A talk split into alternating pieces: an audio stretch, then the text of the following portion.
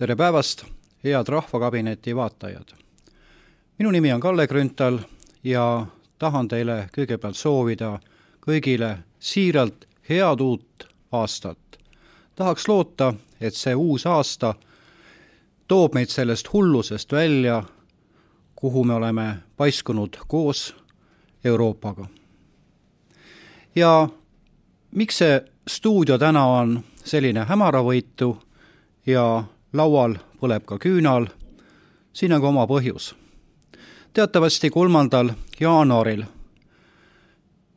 sõlmiti Eesti ja Venemaa vahel relvarahu Vabadussõjas ja see on meile omamoodi tähtpäevaks.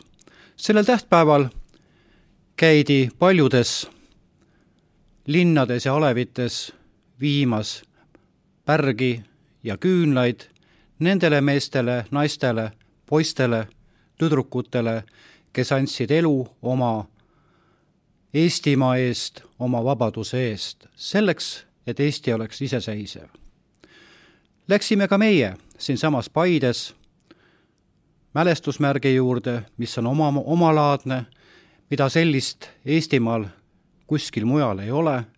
nimelt on tegemist Paide vana rahvamajaga, mis ehitati Vabadussõja mälestusmärgina rahva annetuste eest.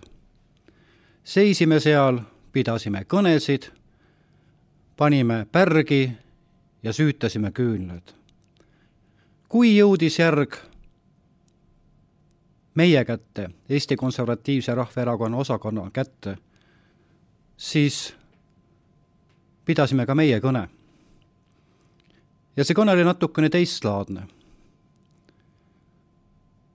Me asetasime küünla häbitundega selle eest nendele vapratele vabadussõdalastele, kes langesid Eestimaa eest, häbitundega sellepärast, sest küsimus on selles, kui nemad võitlesid meile välja iseseisvuse, kas meie oleme osanud hoida seda iseseisvust.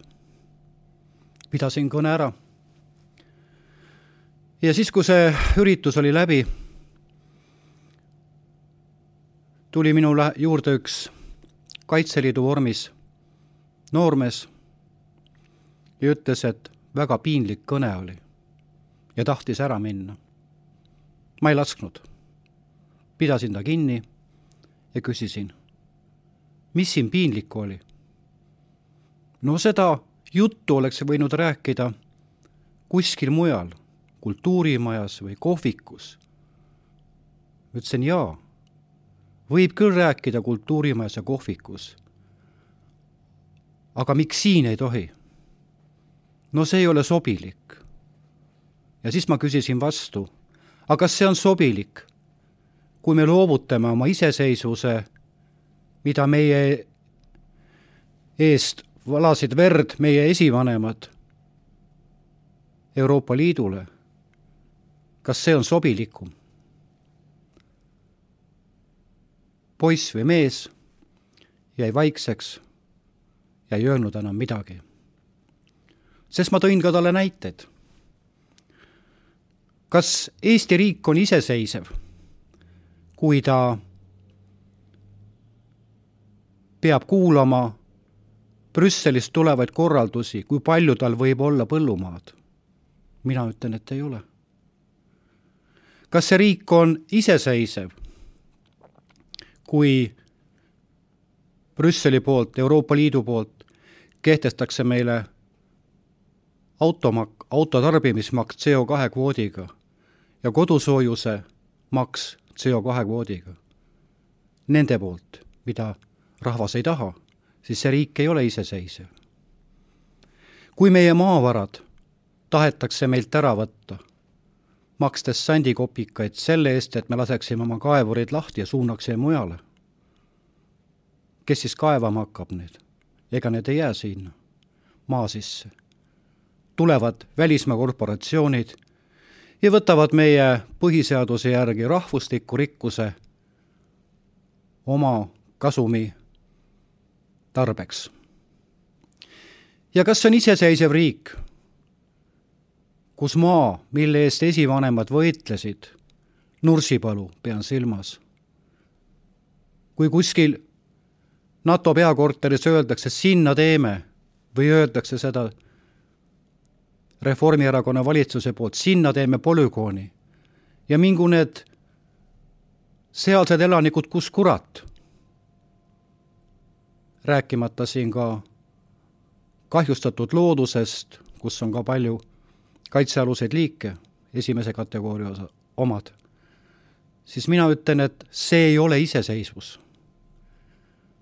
me oleme iseseisvust praktiliselt kaotamas. Eesti põhiseadus ütleb, Eesti on iseseisev ja suveräänne. see tähendab, et meil on õigus kõiki küsimusi iseseisvalt otsustada, mitte ka kuulata Brüsselist tulevaid korraldusi ja tegutseda vaid nende järgi. ja see oli ka põhjus, miks ma pidasin sellise kõne, et mul on häbi nende vabadussõjas langenud meeste ja naiste eest, et me pole suutnud oma iseseisvust hoida nii, nagu nemad selle välja meie jaoks võitlesid. Aga mäletate, kõik algas ju väga lihtsast asjast, direktiivist. milline peab olema banaani kõverus? naersime selle üle siis. aga nüüd on asi naljast kaugel. ma arvan, et, ma arvan, et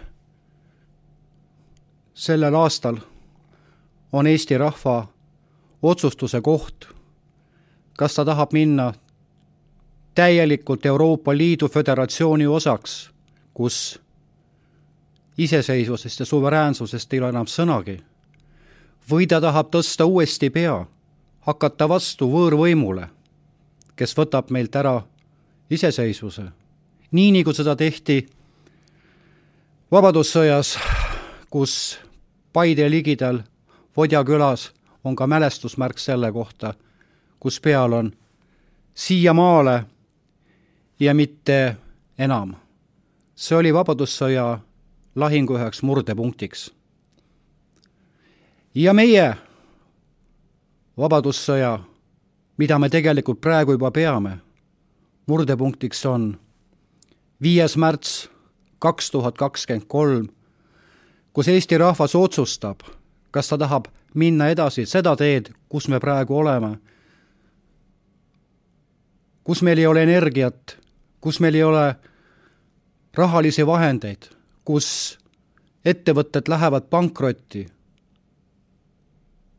kus meil puudub praktiliselt iseotsustusõigus ja seda Reformierakonna juhitud valitsuse poolt, või te soovite muuta oma elu taas normaalseks nii nagu see oli mõned aastad tagasi. kui te tahate viimast, siis